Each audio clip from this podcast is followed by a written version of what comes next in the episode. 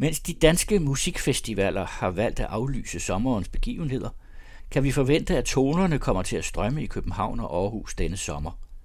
I København er der ovenikøbet bebudet, at det bliver med udvidelser, så festivalen strækker sig over længere tid end sædvanligt og til med bevæger sig ud over kommunegrænsen. Men hvordan kan det lade sig gøre, når stort set alle andre festivaler for anden sommer i træk er aflyst? Den anden radios Pia Koppelmann bankede på døren til de to festivalsteder og fik sig en snak med leder af festivalen i København, Kenneth Hansen.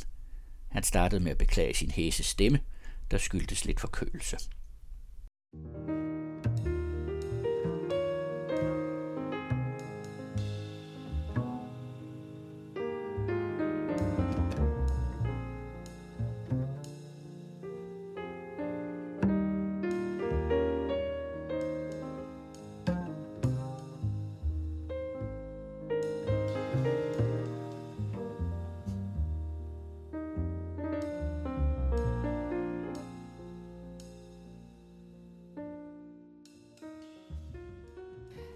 Kenneth Hansen, leder herinde i øh, Copenhagen Jazz Festival, og så bliver jeg undskyld mig, en smule forundret, fordi der bliver aflyst den ene festival efter den anden, og så går I ud og siger, at vi har lavet et udvidet program.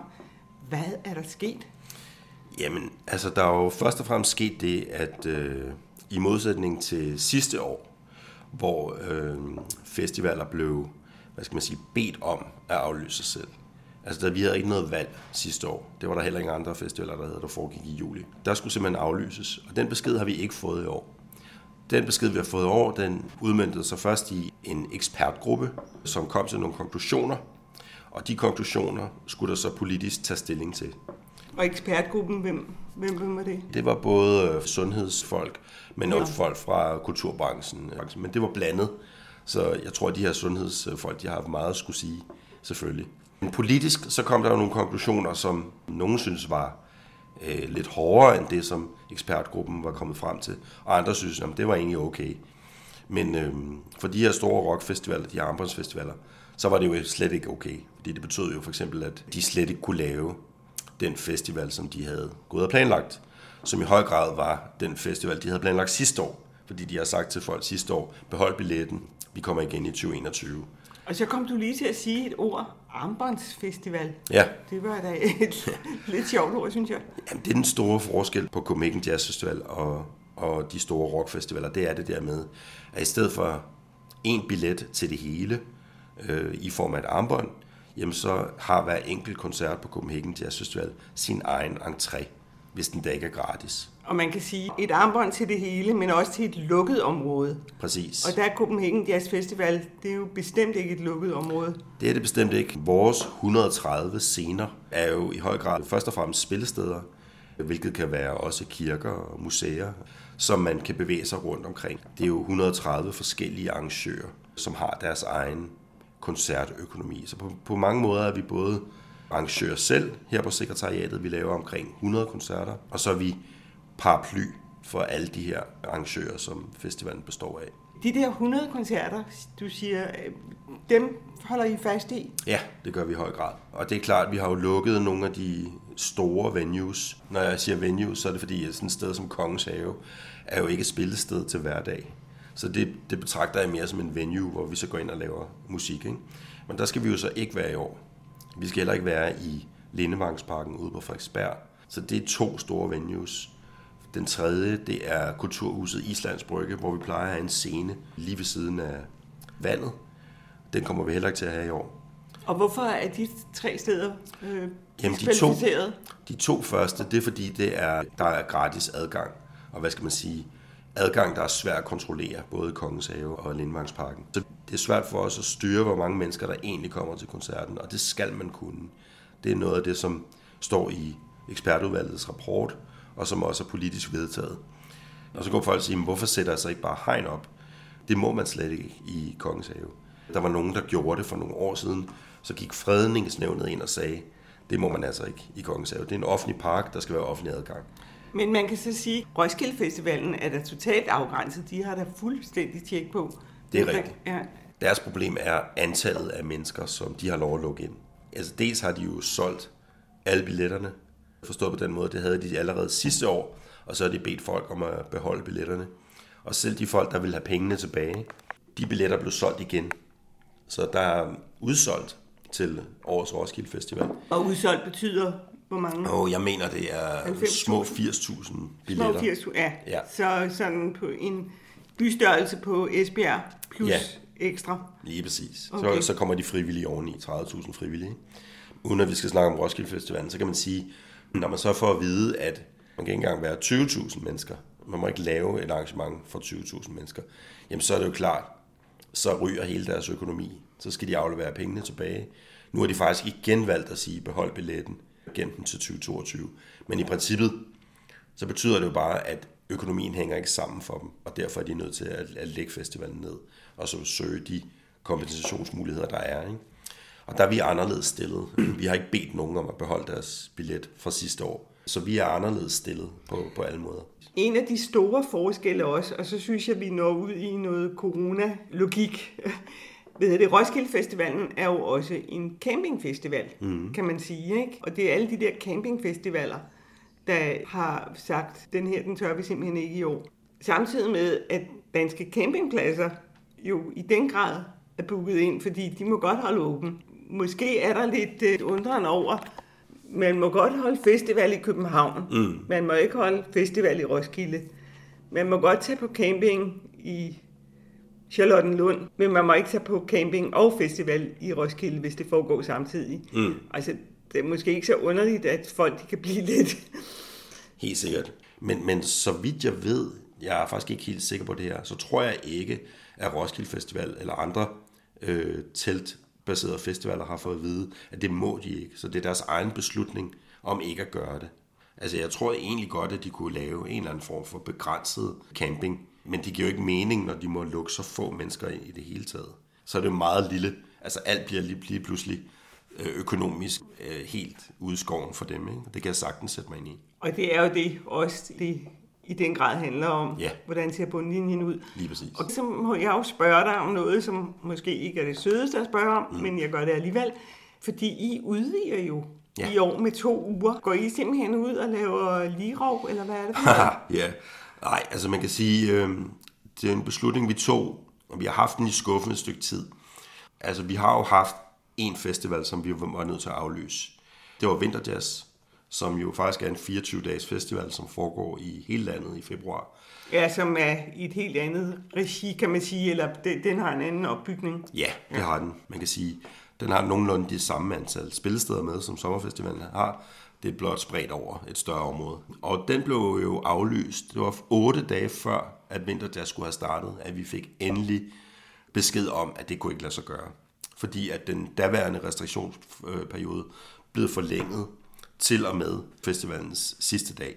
Så det var ligesom om, okay, men der er ikke noget, man kan ikke lave nogen koncerter. Så Vinterjazzen er formelt aflyst. Og så tænkte vi bare, hvis vi får lov til at lave den her sommerfestival, så skal vi selvfølgelig gøre det, fordi ellers ville det være tredje festival, som blev aflyst i træk. Og da de fleste andre festivaler, de valgte at sige, jamen, vi kommer ikke til at lave festival under de her forudsætninger. Og vi så, at vi kan egentlig godt lave vores festival. Altså det er klart, der er nogle ting, vi er nødt til at gøre anderledes. Men vi har jo den mulighed, at vi faktisk kan udvide perioden. Og der er også en anden idé med at udvide perioden, andet end at den kommer til at omfavne nogle, nogle øh, arrangementer, som faktisk allerede var planlagt, da vi øh, tog beslutningen. Så der var nogle ting, vi bare kunne omfavne, indlemme. Og så tænkte vi bare, hvis vi får lov til at lave den her sommerfestival, så skal vi selvfølgelig gøre det, fordi ellers ville det være tredje festival, som blev aflyst i træk. Og da de fleste andre festivaler, de valgte at sige, jamen, vi kommer ikke til at lave festival under de her forudsætninger. Og vi så, at vi kan egentlig godt lave vores festival. Altså det er klart, der er nogle ting, vi er nødt til at gøre anderledes. Men vi har jo den mulighed, at vi faktisk kan udvide perioden. Og der er også en anden idé med at udvide perioden, andet end at den kommer til at omfavne nogle øh, arrangementer, som faktisk allerede var planlagt, da vi øh, tog beslutningen. Haveselskabets have havde koncerter til slut juli. Den sorte diamant har fredagsjazz hele juli og også i starten af august. Øh, dit KBH, som er huset og nogle af de andre kulturhuse, laver scene på Onkel Dannis Plads. som også kommer til at være aktiv både i juli og august. Så der var nogle ting, vi bare kunne, hvad skal man sige, omfavne, indlemme. Øhm, hvad var deres interesse i at komme ind under jer? Man kan sige, at Copenhagen Jazz Festival er jo en stor kommunikations-markedsføringsparaply. Så det der med at komme ind øh, i en maskine som vores, som får budskabet ud, det, det er alle interesseret i. Ja, fordi det er jo det, der er jeres kerneprodukt. Ja. Det er jo simpelthen at gøre opmærksom på, der sker noget ja. i byen, ikke? Ja. Og så er det dem, der melder ind og siger, at vi vil godt være med i, at vi bliver fortalt om, at vi laver det her. Ja. Er det helt forstået, eller hvad? Det synes jeg. Øh, det synes jeg er korrekt. Altså, vi har jo en, vi har en stor platform. Vi har god kontakt til vores publikum. Vi har et stort publikum. Og øh, det, det er jo noget, vi kan sætte i spil her. Hvis publikum får at vide, jamen det er 24 dage i stedet for 10 dage, så er det bare at kigge i kalenderen og se, om man har mulighed for at komme til, til nogle flere ting. En normal jazzfestival, for eksempel den vi afviklede i 2019, er jo en meget koncentreret begivenhed. Forstå på den måde, at det er 10 dage, 130 spillesteder, og i omegnen er 1300 koncerter. Så nogen vil jo med rette kunne kigge på det og så sige, det kan godt være, at jazzfestivalen ikke har nogen mega-koncerter, som for eksempel Roskilde Festival eller andre kunne have. Men det er alligevel ret mange koncerter. Er der ikke noget, vi kan kigge på der sundhedsmæssigt? Går det, går det nu? Så derfor så tænkte vi, at det var en god idé at vise, at vi havde gjort noget for at tage trykket af de 10 dage. Og så kan man sige, vi har jo de her 100 koncerter, vi laver. Det er nemt for os at fordele dem ud på 24 dage i stedet for 10. Men øh, tanken om, at lad os sige, at smittetallet stiger lidt fra nu af, og måske lidt mere i juni, øh, fordi man har åbnet op, så kan det være, at der er nogen, der ligesom tænker sådan, hvad, hvad gør vi nu med København? Det ser jo farligt ud, og vi kan jo ikke lukke ned for EM. EM, det, det skal jo køre. Og det er fodbold, vi er ude i her. Lige præcis, det er lige præcis. Det, jeg, det jeg gerne vil egentlig øh, gøre et eller andet for, det var, at man ikke vil sidde og kigge på jazzfestivalen som noget farligt på grund af antallet af koncerter og koncentrationen af koncerter. Mit bud er, at den her forlængelse vil gøre, at vi ikke længere står med 130 koncerter per dag, men færre antal koncerter per dag fordelt ud over en større periode. Så der er også den, det aspekt i det. Og så lige hvis vi skal lave den sløjfe, publikum er vel delvis også noget andet. Altså, det er et ældre publikum end for eksempel Roskilde Festivalen. Her der skal vi gå ud i aften, ja, det ser spændende ud, og det er mm. det, man gør. Og så går man hjem igen, eller hvad man nu gør. Øh, man hænger jo ikke på samme måde i miljøet i flere døgn, øh, som man gør på øh, de der campingfestivaler. Nej, det er rigtigt. Jeg vil lige øh, sige noget til det der med det ældre publikum. Vores største øh, publikumsgruppe aldersmæssigt er imellem 25 til 44 år. Okay. Så jeg vil sige, ja, det kan godt være, at gennemsnitsalderen er lidt lavere på Roskilde Festivalen, men, men det er altså vores, øh, vores primære gruppe.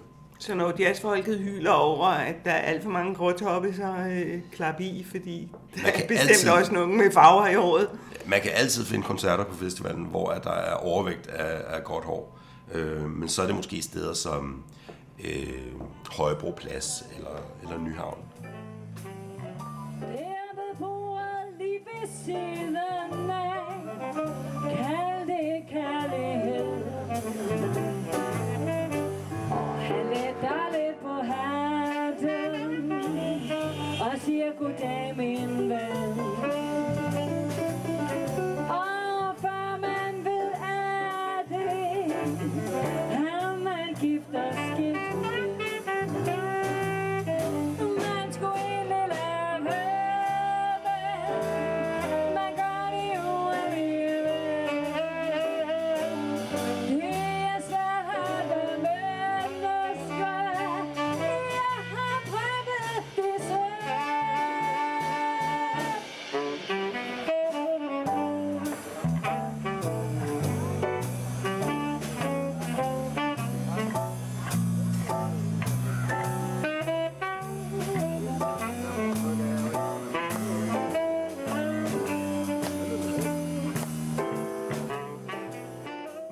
Copenhagen Jazz Festival og for den sags skyld Aarhus Jazz Festival, som jo også laver program her til sommer. Mm.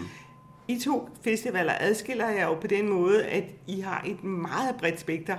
Ja. Altså det er jo ikke bare, her der kommer du og hører, og så er det øh, trampe musik, eller altså, der, der, det er New Orleans, det er free jazz, det er... Øh... Verdensmusik, det er alt muligt. Ja. Øhm, og det kan man sige, altså jeg ser jo meget som jazz, ikke som en genre, som står stille, men som et område, som hele tiden udvikler sig. Og i virkeligheden så vil jeg gå så langt som at sige, at vi er en, en slags eksperimentarium for den rytmiske musik. Hvad angår den rytmiske musik, så mener jeg, at jazz har hele tiden været det sted, hvor øh, tingene har fået lov til at gå i nogle retninger. Rocken og poppen, hvor der har været nogle større kommercielle interesser, der har gjort, at nogle ting er blevet fastholdt igennem længere tid, simpelthen fordi, at det kommercielt var en god idé. Mens jazzen har lidt fået lov til at være sig selv, fordi mindre kommercielle interesser, nogen har prøvet, mange pladeselskaber tænker sådan, hvor ville det være dejligt, hvis vi kunne lave en, en Billie Holiday i 2021. Og så prøver de det. Men der er slet ikke lige så meget af den tankegang, som der er i rocken og poppen. Og det gør så, at hvis man har en jazzfestival, så skal man netop gøre plads til alle de her strømninger, alle de her eksperimenter, fordi det, der er spændende ved jazzen, det er, at den altid er et sted på vej hen. Vi skal passe på, at vi ikke selv kommer til at fastlåse jazzen. Det kunne vi vælge at gøre og sige, nej, nej, det her, det, det propper vi ikke på festivalen, fordi det er ikke jazz. Det er altid der, man skal passe lidt på, når man har en festival, fordi det kunne være, at det var præcis det, som jazzen var på vej til at blive.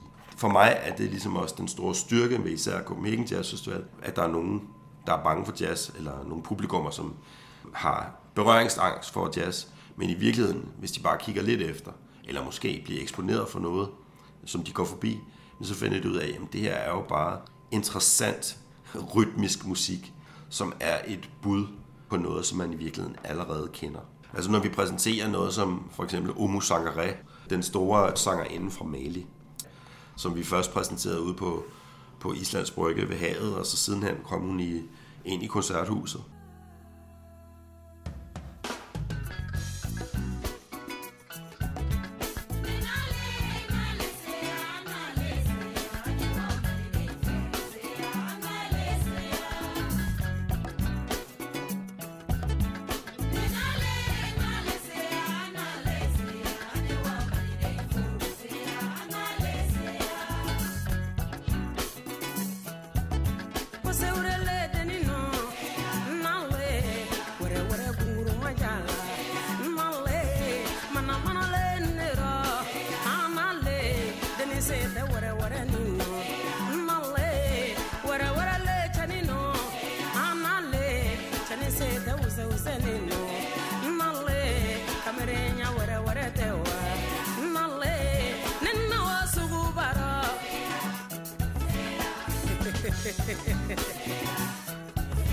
Va bamanya su baromba.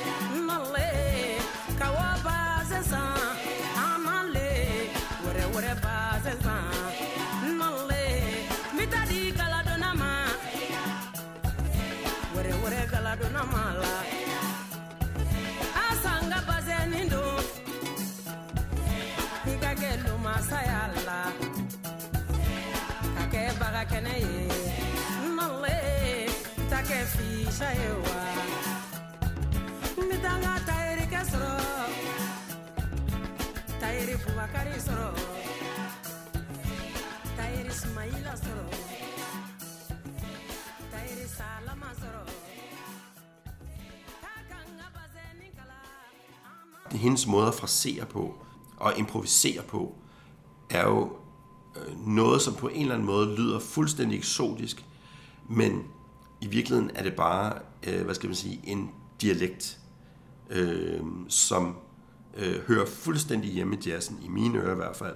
Man skal bare indstille sig på det, så kan man høre, jamen, det er de samme ting, der foregår i hendes hjerne, som der foregår i en jazzsangers hjerne. Men det kommer bare ud med en anden dialekt. Og på den måde, så synes jeg, det er meget, det er sjovt at vise de der forskellige tilgange til det. Altså, jeg kunne også nævne en saxofonist som Colin Stetson, for eksempel. Man kan sige, der står en saxofonist på scenen, men hans tilgang til at spille saxofon er meget anderledes end for eksempel Dexter Gordon eller øh, Johnny Griffin. Øh, og det er det, jeg synes er interessant, det der med, at man kan hele tiden komme nye steder hen.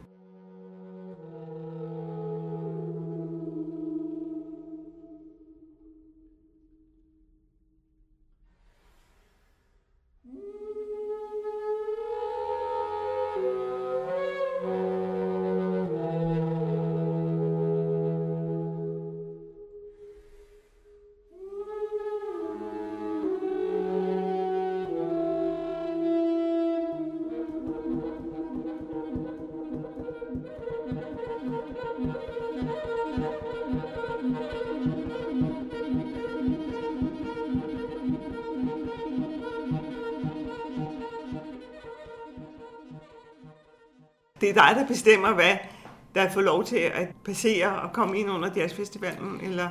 Nej, jeg er ikke, jeg er ikke Kong Jazz. Øh, Jazzfestivalen er først og fremmest en, en erhvervsdrivende fond med en bestyrelse. Øh, vi får noget støtte fra stat og kommune, men øh, vi skal også tjene vores egne penge, for at det løber rundt. Og man kan sige, i bestyrelse og ledelse og sekretariat, der er vi fuldstændig på linje med, hvad det er, vi vil. Så det er ikke noget med, at det er min vision, eller bestyrelsens vision, eller sekretariatets vision. Vi, øh, vi har en samlet vision. Hvordan vi er kommet frem til den, det, må du, det, det, det er lidt svært at finde ud af. Men øh, altså, er det dig, der siger, det der, det kan komme under jazzhatten? Jamen, det er jo netop det, som var min pointe før. Det er, at det er det, vi prøver at undgå. Vi prøver at lade være med at være jazzpoliti, og prøve at være åbne. Og det kan godt være, at nogle gange så præsenterer vi noget, hvor fem år efter kan man kigge tilbage på det og sige, at det skulle nok ikke have været på. Altså det kan jeg sagtens komme med eksempler på. Men det er okay, synes jeg. Det er okay ligesom at tage de der chancer. En anden ting, jeg vil sige, det var, at festivalen, den, det lyder mærkeligt, men på en eller anden måde, så har jazzfestivalen også en, en identitet. Jazzfestivalen, den taler til os, øh, os der sidder og laver den.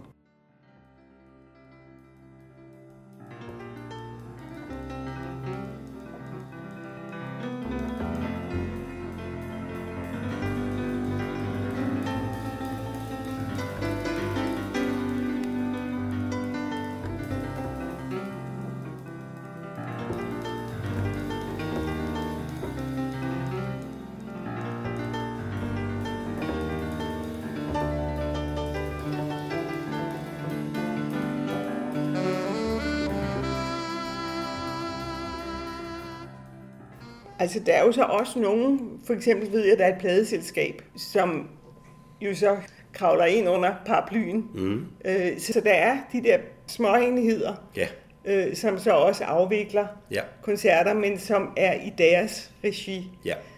Så ved jeg ikke, Cowbell er jo et af de større, men jeg tror ikke, de er med i år. Jo, det er de. Jeg tror ikke, de har tastet nogle koncerter ind endnu, og det er først, når de taster ind, at de bliver synlige på vores hjemmeside. Men de er tilmeldt festivalen, og øh, det er Ilk også, og det er Barefoot også. Så på den måde, så vil jeg sige, bortset fra enkelte udendørs steder, så tror jeg i virkeligheden, det bliver en festival, som vi kender den. Øhm, selvfølgelig strækker den sig ud over en længere periode, og jeg tror stadigvæk, at den bliver mest koncentreret i løbet af de første 10-11 dage, hvilket er fuldstændig fint. Hvis der er lidt færre koncerter i den udvidede periode, så er det helt i orden. Og vi skal også lige, den udvidede periode er jo mere end en udvidet periode, det er jo også et udvidet område. Ja. Altså, der er flere steder med, eller hvad er det for noget? Ja, vi har inviteret øh, omegnskommunerne med, nabokommunerne til Københavns Kommune. Og det kan man sige, der har været et ønske fra forskellige jazzarrangører i omegnskommunerne, blandt andet Gentofte, om at være med i jazzfestivalen. Og hvert år har vi sagt, det er lidt prekært for os bare at udvide festivalen, fordi hvor skal vi stoppe? Men i år har vi så taget beslutningen om, at nu prøver vi, fordi det er et særligt år, at udvide med de her nabokommuner, og så ser vi, hvordan det går. Der er også et andet aspekt i forhold til at udvide geografisk, og det er, at noget af det der publikum, som bor i nabokommunerne, vil jo typisk rejse ind til København, høre noget jazz og rejse ud igen. Og vi tænkte også, at måske ville det ikke være så dumt, hvis man havde prøvet at lave noget i lokalområdet, sådan så vi kunne begrænse noget af det her transport. Igen, så handler det om, er der noget, der blusser op her? er der et smittetal, der pludselig ryger i vejret eller et eller andet, så er det en meget god ting at sidde og kigge på og sige, jamen øh, her har vi faktisk forsøgt at begrænse det. Fordi vi vil gerne have, at den her festival finder sted. Den her nedlukning, som har været fra december sidste år til starten af maj, det har været en frygtelig tør periode, både for musikere, spillesteder og publikum. Og øh, det går simpelthen ikke. Vi er nødt til at komme i gang igen, fordi det er simpelthen så vigtigt både for publikum. I virkeligheden kan man sige, at grunden til, at vi overhovedet laver festival, det er, fordi vi ønsker at forbinde publikum med, med musikerne, med de respektive bands. Vi ønsker at, at bringe dem sammen. Det er grunden til, at vi laver festival. Og vi ønsker at arbejde for, at der hele tiden bliver mere publikum. Eller at det publikum, som måske øh, hvad skal man sige, øh, bliver ældre og forsvinder, at det bliver erstattet med nyt publikum. Det er det, vi arbejder på hele året rundt. Det er at sørge for, at selvom den her genre, hvis vi går tilbage til genrebegrebet, er forholdsvis er kommersiel, det vil sige, at der er en masse kommersielle kræfter, som den ikke interesserer, så arbejder vi på, at den skal blive ved med at eksistere, og at den skal blive større. Inside, rainbows in my head. One is for the living love, the other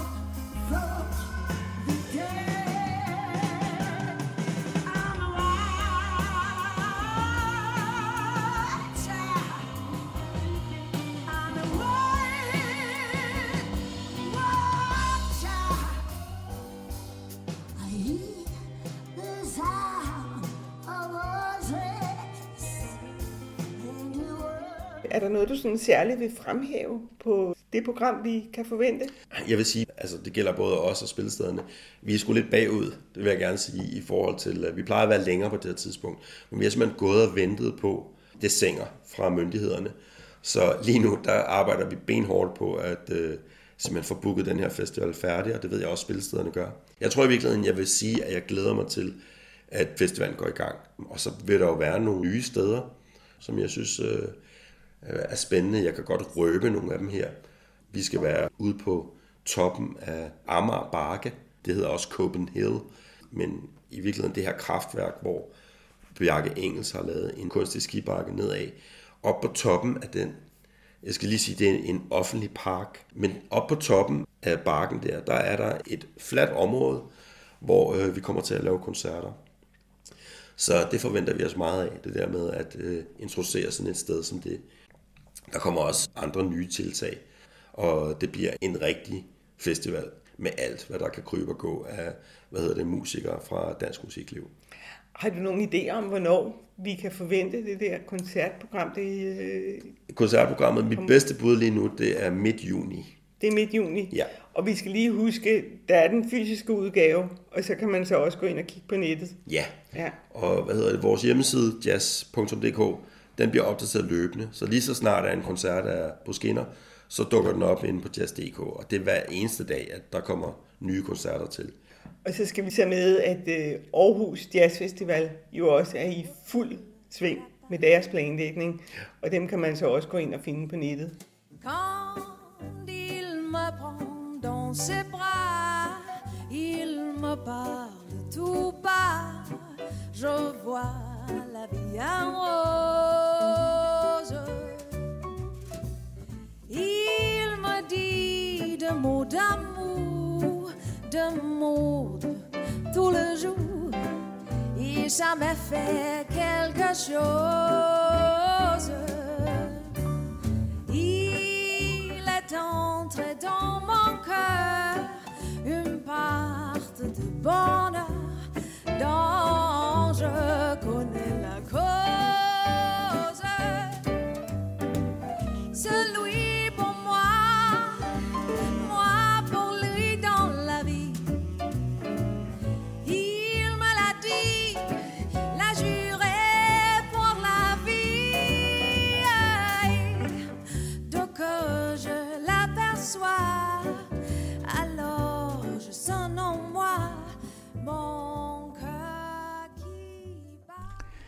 Jazzfestivalen i København er fra den 1. til den 24. juli, mens Aarhus venter 10 dage, før musikken for alvor får lov at lyde rundt om i byen. I løbet af udsendelsen lød der toner fra Arthur Tusniks trio, Katja og Katjasserne, og Umo Sangaré, Colin Stetson, Sam and the Soulmate, Paul Eler Quartet og Savage Rose. Det var Pia Koppelmann, der havde til ret.